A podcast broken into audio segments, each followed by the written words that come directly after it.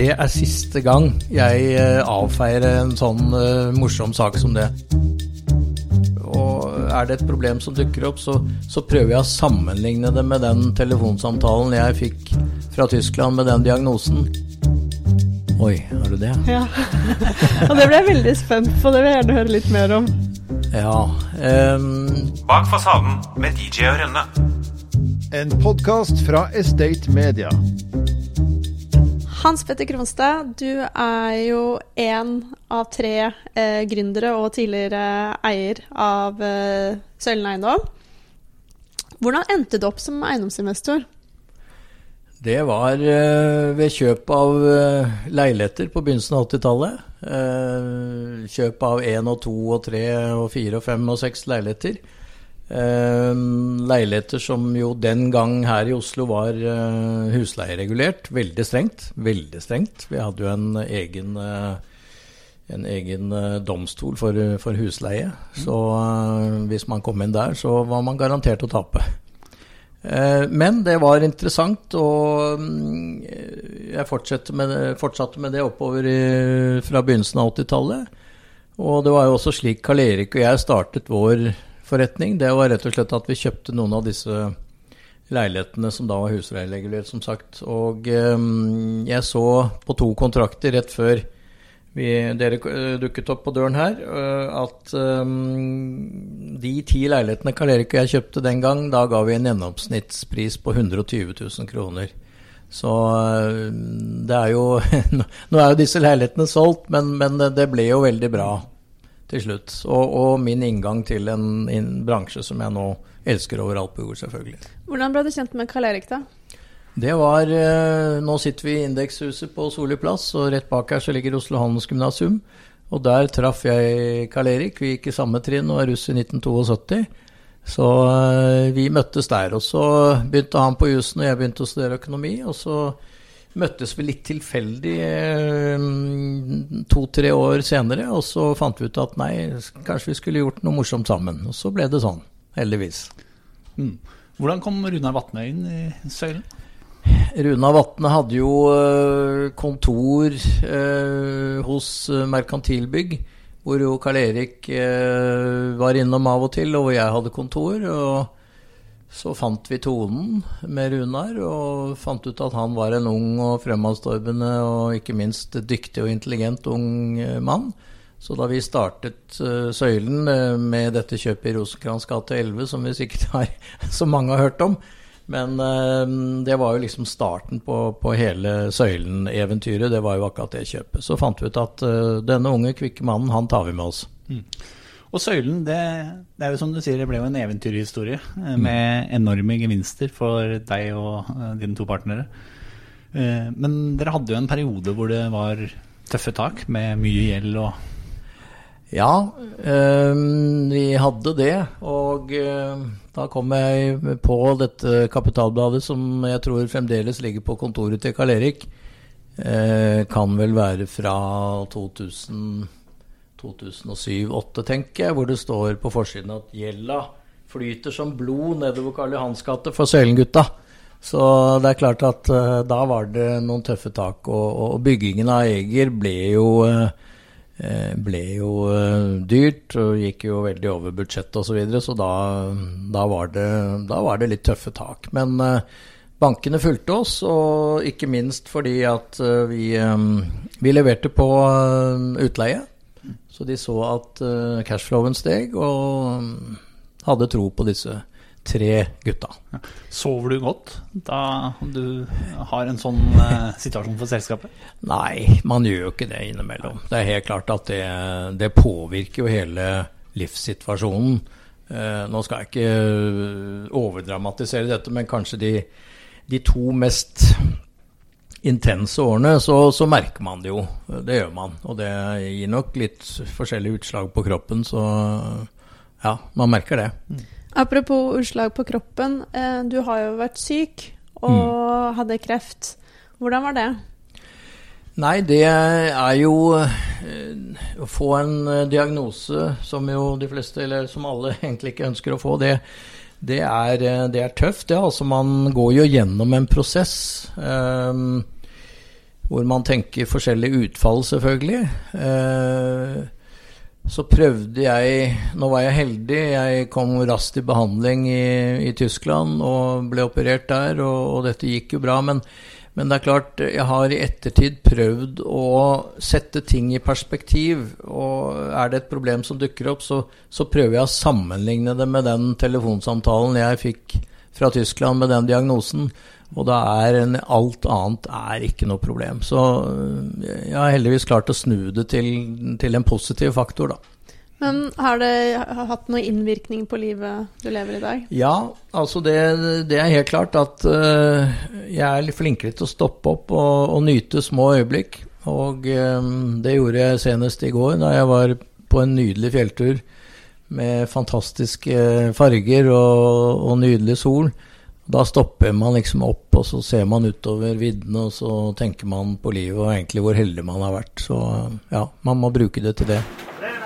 Her hører du noen av de 3500 ansatte som jobber i For Service. Menneskene er vår viktigste ressurs og suksessfaktor. Så når For Service er opptatt av bærekraft, handler det også om den sosiale delen menneskene. Gjennom rekruttering, nye arbeidsplasser, kompetanseheving og riktige samarbeidspartnere jobber For Service for å gi muligheter til mennesker også de som i dag står utenfor. Alle må starte et sted. Les mer på forservice.no. Hva er det som er viktig for deg? Det aller viktigste for meg, det er da selvfølgelig det vi snakket om i sted, nemlig helse. Og ikke bare for meg, men for uh, min familie og, og, vennekrets. Hvis ikke de har det bra, så har ikke jeg det bra heller. Mm. Så det er det desidert viktigste. Um, men hvis man skal gå litt lenger kanskje i det spørsmålet, så um, er det jo helt klart at det å kunne, for meg, å kunne ha en jobb å gå til, eh, stå opp mandag morgen og riste av seg helgen, og, og, og kunne komme inn på dette kontoret med, med fire energiske, glade eh, gutter på alder, gjennomsnittsalder på 32 år, så er det, det, det, er, det, er, en stor glede å få være med dem og, og, og skape eiendomsutvikling og ikke minst byutvikling. Gjennomsnittsalderen er 32 år. Hvorfor tror du det er viktig å jobbe med unge mennesker? Ja, det, det, tror jeg ikke er bare viktig, det, det er helt essensielt uh, for meg som da blir 70 år om ikke så altfor lenge. Uh, hvis ikke jeg kan sitte og snakke med disse gutta og høre hvilke trender og hvilke bevegelser som er i denne byen, nå er jeg veldig åpen for, for sånne ting, eh, men hvis man ikke kan det, så tror jeg man veldig lett kjører seg inn i et eh, mønster som businessmessig kan bli veldig skadelig for selskapet. Mm. Jeg hørte en gang eh, at du ikke alltid har vært like frempå når det gjelder nye konsepter og sånne ting. Om noen noe kaffeideer. Kan du fortelle om det? Ja, eh, hva kan det være du tenker på da? Eh, det var noen som, eh, på 80-tallet som eh, hadde en idé om eh, kaffekonsept. ja, jo da, det er en god historie. Eh, det var vel de to herrene bak Kaffebrenneriet, det. Som banket på døren på kontoret vårt for mange år siden. Og de ønsket jo å leie dette kaffebrenneriet i Skåveien 8 på hjørnet her borte Frognerveien. Uh, og de hadde med seg noe krus uh, med noe kaffe oppi, og så fortalte de oss at dette kommer, dette kommer, nordmenn til å gå rundt og drikke i byen, det er bare et tidsspørsmål. Det må jeg innrømme at det hadde jeg ikke veldig stor tro på da. Og det er veldig morsomt at du tar det opp, for det er en stund siden jeg har tenkt på. Men da tenkte jeg at det der der, det er siste gang jeg uh, avfeier en sånn morsom sak som det. Og senere så har jeg vært veldig positiv til alle sånne nye ideer som, som har dukket opp. Men hva er du mest stolt av, da? Jeg er mest stolt av å ha vært med å skape eh, et litt bedre bybilde. En byutvikling har vært med å skape, og synes også at jeg er med å skape. Um, vi har laget et veldig morsomt cluster nede i Kvadraturen, rett over der dere har kontor. Eh, som vi nå ser eh, fruktene av eh, ved å kunne skyve leietakere frem og tilbake. Vi borer oss inn fra det ene bygget til det andre, lager sykkelparkering, eh, lager noe treningsgreier slik at det skal bli en opplevelse. Og er nå helt i emning på å være med på å transformere Storgaten, som jo har vært en katastrofe for byen her. Ja, fordi da du kjøpte den, så prata jeg med deg, eh, og du sa at det var en eiendom som fortjente omsorg og kjærlighet. Ja. Hva mener du med det? Ja. Nei, altså det er jo en, eh, det er jo en fantastisk vakker eiendom som kunne ha ligget midt oppå Frogner her, eh, men som er nedstøvet og ikke tatt vare på verken utvendig eller innvendig. Ikke gjort noen ting med på mange, mange tiår. Så den var jeg så heldig å få tak i i eh, fjor, for ganske nøyaktig et år siden.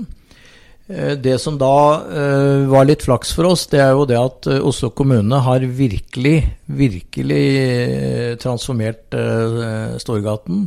Gatelegemet er blitt helt fantastisk nydelig med, med fortau og, og fjernvarme og det hele, og, og, og trikken som går der. Så jeg var så heldig å få, fikk presentere prosjektet vårt for Levende Oslo, hvor jo både sjef for, eh, for plan og bygg og ikke minst eh, byantikvar og en del eh, av byråkratene på rådhuset, og, og mm, ga dem litt ros. Det, og så sa jeg at nå må vi private gårdeiere trå til for å gjøre vår del av det. Så, så den, der har vi nå revet veldig mye og er i ferd med å begynne å bygge det opp og skal bygge et studentleilighetskonsept. Og så skal vi bygge seks eller syv forskjellige serveringssteder i bakkeplan. Så det blir veldig spennende. Så det, det gleder vi oss til å jobbe med nå i hele vinter, og alt dette åpner jo da til våren-sommeren eh, neste år. Da tar vi en kort pause for å minne om at BN Bank er spesialisten på finansiering av næringseiendom i Oslo-regionen. BN Bank er en rendyrket eiendomsspesialist og kjennetegnes av hurtighet, fleksibilitet og forutsigbarhet. Gode løsninger sikres gjennom medarbeidere med høy kompetanse og sterke relasjoner til kundene. Kontakt BN Bank nå. Du er jo veldig opptatt av det med byutvikling, og hvorfor er det så viktig for deg? Jo, eh, det er viktig fordi jeg er jo født og oppvokst i denne byen. Ehm, så ser jeg at denne byen har jo endret seg kolossalt bare på de siste ti årene. Mange sier til og med fem årene. Og Hvordan da? Kan du forklare det litt nærmere? fra å være en stengt og lukket by, litt, da skal vi nok litt lenger tilbake i tid, men til å være en by som nå blir brukt på en helt annen måte. Jeg var nede i byen her eh, i sentrum en lørdag for en par-tre uker siden, og det sydet av liv, både faktisk nede i Kvadraturen og ikke minst i dette nye, fantastisk flotte by, altså den nye bydelen som er bygget eh, ved Bjørvika. Mm. Dette har jeg sett i storbyer i Europa i mange, mange år. Eh, Og nå eh, ser det ut til at eh, Oslo er i ferd med å bli en destinasjon, og også en by hvor, hvor, hvor en ny, eh, hva skal vi si, innbyggergruppe, som jeg kaller sånn superurbanister, som kanskje bor og virker i en del av byen. Um, akkurat som vi har sett i storbyer eh, i Europa nok en gang. Um, fordi at byen endelig har noe å by på. Den har opplevelser. Så, så det, det, det, Og hvis vi ikke hadde fulgt med der, så hadde, så hadde Oslo kommet langt i bakevja. Men nå hører man at man snakker om Oslo også i utlandet, i hvert fall nedover i Europa, eh, som en destinasjon og en interessant og hyggelig by å komme til. Men du har jo gjort eh, litt, eh, bidratt litt der du også. Jeg vet jo at du har en del eiendommer som leies, eller hvor dere leier ut til ganske gøyale konsepter.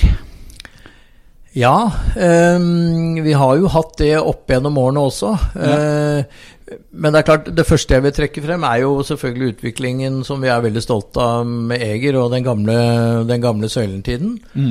Ehm, og så synes vi, vi Vi kjøpte en gammel, litt sliten gård her eh, i fjor, hvor vi sier at hvorfor da ikke nødvendigvis skrive lange femårs-, syvårskontrakter, men hvorfor ikke det kommer noen inn her med en ny idé, og så sier vi ok, ta disse lokalene i bruk i seks måneder f.eks., og så ser vi hvordan det går. Så er vi med på startup og nye ideer. Jeg var jo nylig og besøkte Kastellet, som Ja. er en restaurant i Hegdalsveien, der eh, du eier bygget og har vært med på hele den prosessen der. Um, det er jo et veldig fint bidrag til å løfte Hegdalsveien, som eh, hva skal jeg si har hatt litt butikkdød og Ja. ja, nei, det er jo hyggelig at du nevner det. Eh, Vi er jo veldig stolt av Kastellet. Den skulle jo selvfølgelig åpnet før, men alle vet jo hvorfor det ikke den ble det. Ehm, vi var så heldige at vi kom i kontakt med Rudolf Reim og, og hans eh, gjeng som heter We Come In Peace, som jo har disse fantastiske stedene nede på Youngstorget, og virkelig har transformert Youngstorget til å bli et, eh, en, en destinasjon for eh, spisesteder. Ehm, de har lagt veldig mye sjel i dette bygget, og vi har vel vært litt rause vi også, så vi har liksom tenkt at det må være vår stolthet å gi til byen eh, akkurat den restauranten. Og vi har fått veldig tilbakemeldinger både under byggeperioden og ikke minst i disse to ukene hvor det har vært åpent der, og, der borte, at uh, den delen av byen trengte et sånt sted som det. Så ja, det er vi veldig stolte av. Har du spilt minigolf på, på, på eiendommen din? Jeg har spilt minigolf. hvordan, kom, hvordan kom det konseptet i gang? Ja, det, det, er rett og slett i hvert fall ikke min fortjeneste. Eh, jeg kjøpte en eiendom helt i starten av, eh, av denne perioden i HCH Eiendom, som jo vårt selskap heter, eh, borte i Møllergaten. Og der drev de med minigolf. Oh ja, så, så, jeg skal ikke skryte av at jeg har funnet på det, men, men det, det, har jo tydeligvis vært et uh, veldig bra konsept og går veldig bra. Nå var det slik at det var noen andre som banket på døren min uh, noen måneder etter at jeg kjøpte den og mente at det var de som skulle ha kjøpt den, så da, da ble det en rask deal på den. Men jeg har spilt minigolf på egen eiendom, ja, det har jeg. jeg har hørt rykter om at du er veldig glad i biler. Ja. Øh, ja. Øh, jeg er litt sånn barnslig når det gjelder det. Uh, det har nok sitt utspring i at min far drev med bildekk. Og eh, jeg hadde sommerjobb og julejobb og så, nede, nede, i forretningen hans, og da hendte det dukket opp en rallysjåfør eller to som skulle ha masse piggdekk på bilene sine for de skulle kjøre israce. Så eh, den lille spiren der ble nok vekket helt tilbake på midten av 60-tallet, tenker jeg. Mm. Så eh, jeg syns Hva er favorittbilen din nå? Eh, altså Favorittbil er jo egentlig en Porsche, fordi at uh, den kan du røske og dra og kjøre hardt med uten at det omtrent skjer noen ting. Så, så um, jeg har vært så heldig å fått kjøre litt uh, sammen med Runar, bl.a. På, på Nürnbergring, som er uh, veldig moro. Og så kjører jeg litt, litt her ute på Rudskogen. Og jeg bruker jeg, For det første syns jeg er veldig moro, men jeg bruker også dette litt bevisst. Eh, for jeg syns det er veldig viktig at man holder hjernen i gang, og, og, og ikke minst den reaksjonsevnen som du får når, du, når det suser biler på kryss og tvers, ikke kryss og tvers, men i hvert fall forbi foran og bak. Så, eh, så jeg bruker det litt til det også. Men jeg syns det er veldig moro. Har du like mange biler da som Runar Vatne? Nei, jeg har ikke det i det hele tatt. Nei, nei, jeg har ikke det. Brekkhus advokatfirma rådgir norske og internasjonale kunder innen en rekke sektorer. Våre eiendomsadvokater kjenner eiendomsbransjens muligheter og utfordringer, og bistår ulike aktører i utviklingsprosjekter, transaksjoner, megling, utleie og tvisteløsning. Vil du høre mer? Kontakt oss på post at breikhus.no.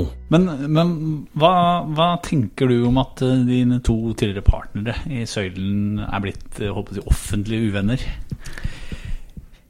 Ja, det, det, var jo en uh, kjedelig prosess som heldigvis endte bra her i mai måned. Så jeg syns det var litt trist, det må jeg innrømme, etter den fantastiske reisen vi hadde sammen. Ehm, jeg er eh, gode venner med begge to, eh, og det har jeg tenkt å fortsette å være. Mm. Så ja. Men hvordan er det å være mellom barken og veden, da? ja. ja, da. Nei, altså du kan si at uh, de 12-13 årene i Søylen uh, hadde vel sikkert vært et godt uh, Godt, en god jobbsøknad til Utenriksdepartementet ved å bli toppdiplomat, men uh, har nok kanskje vært en liten sånn støtdemper mellom de to herrene. Som jeg, men som jeg setter veldig pris på og er beundrer vanvittig for det vi fikk til sammen, og ikke minst det de har fått til i ettertid. Jeg har hørt et lite rykte om at du vurderer å kjøpe deg et trommesett. Oi, har du det? Ja. og det ble jeg veldig spent på, det vil jeg gjerne høre litt mer om. Ja. Um, det hadde seg slik at jeg gikk, jeg gikk på noe som het realskolen. Eh, Det, det, var en, det var et skoletrinn mellom folkeskolen og gymnaset. Da hadde jeg, var vi en klasse på Hegdehaugen skole som dannet et band. Eh, vi var fire stykker. Én var veldig musikalsk og kjempeflink, og vi tre andre var, eh, var skikkelig dårlige. Og jeg kanskje den dårligste. Men vi, vi hadde mye moro med det. Vi trente, og vi eh, Ja, vi spilte på noen sånne soareer, som det het den gangen, da, på fester på, på gymnaset. Og det er klart, eh, det hadde en viss tiltrekning på det motsatte kjønn at man satt der, at man satt der oppe på scenen. Så det var nok kanskje det også som var litt motivasjonsfaktor. Men er det noe du har tenkt å ta opp igjen nå? Eh, Spille i band?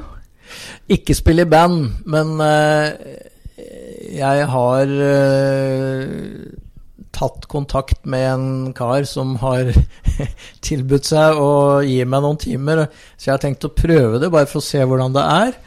Eh, litt etter inspirasjon fra en mann, en musiker som jeg har i mange, mange år beundret veldig mye. Og ikke bare uh, ut ifra hans musikalske ting, men også hans personlighet, som dessverre gikk bort for to uker siden, eh, nemlig Charlie Watts i Rolling Stones. Han er, liksom, han er beundret. Og så tenkte jeg, når han eh, nå ga seg, så kanskje jeg skulle, kanskje jeg skulle ta opp trommestikkene. Steppe inn. Steppe inn, ja. Det er vel eh, Det er nok litt drøyt. Men eh, ja, jeg har eh, faktisk tenkt å ta en time eller to eller tre med en kar for å se hvordan dette blir. Apropos å beundre mennesker, er det noen andre du ser opp til, eller som du beundrer? Nei, altså det er jo mange, det er jo mange helter. Og det er klart at det siste halvannet årene har jo visualisert helter. Så eh, hvis det er noen man beundrer og ser opp til, så må det jo være de som har stått på i De helsearbeiderne som har stått på nå. Eh, på sykehus og, og hvor det måtte være. Eh, det, det, det, er, jo- det er jo helt, helt fantastisk. Men, men å ha noe sånn mennesker man ser veldig opp til, som liksom driver med det samme som en selv, det Jeg vet ikke, det kan liksom slå Ikke slå begge veier, men jeg, jeg har ingen sånn. Men det er alltid noen lederstjerner, noen man beundrer, noen som har fått til noe. Eh, Men også, altså jeg, ikke minst også pga. Uh, sin personlighet. Altså Charlie Watts, som da sitter bak i Rolling Stones, og er en ydmyk mann som sier han Jeg har bare hatt kjempeflaks, jeg er ikke noe flink i det hele tatt, jeg. jeg. Så du ser på YouTube masse intervjuer med han nå. Eh, og det samme med Beatles. Den mannen som uh, var tilbakelent og gjorde som de andre gutta sa, George Harrison. Før han kom seg ut av Beatles og blomstret jo vanvittig og lagde noen no flotte sanger. Så, men det er liksom litt sånn fjernt. Um, Men er ikke det litt som deg, ja? Jeg føler at du også er en litt sånn ydmyk person som er kjempeflink og har fått til mye uten at du nødvendigvis trenger å være den som skriker høyest. Ja, det var jo veldig pent sagt, da. Men øh, hva jeg har fått til for andre å bedømme. Men som personlighet så er jeg øh, nok øh, Jeg liker meg helt klart i bakgrunnen. tilbaketrukket. Så, um, så det er klart, da vi bygget, bygget Søylen og merkenavnet Søylen, så måtte vi jo frem. Og da var jo Runar og jeg veldig enige om at vi var jo glad at vi hadde Karl Erik som, som sto frem og gjorde dette. Så, øh, men som sagt, jeg liker å holde meg i bakgrunnen. Du får ta det trommekurset. Jeg får gjøre det. Jeg får gjøre det. Bak fasaden med DJ og Rønne. En podkast fra Estate Media.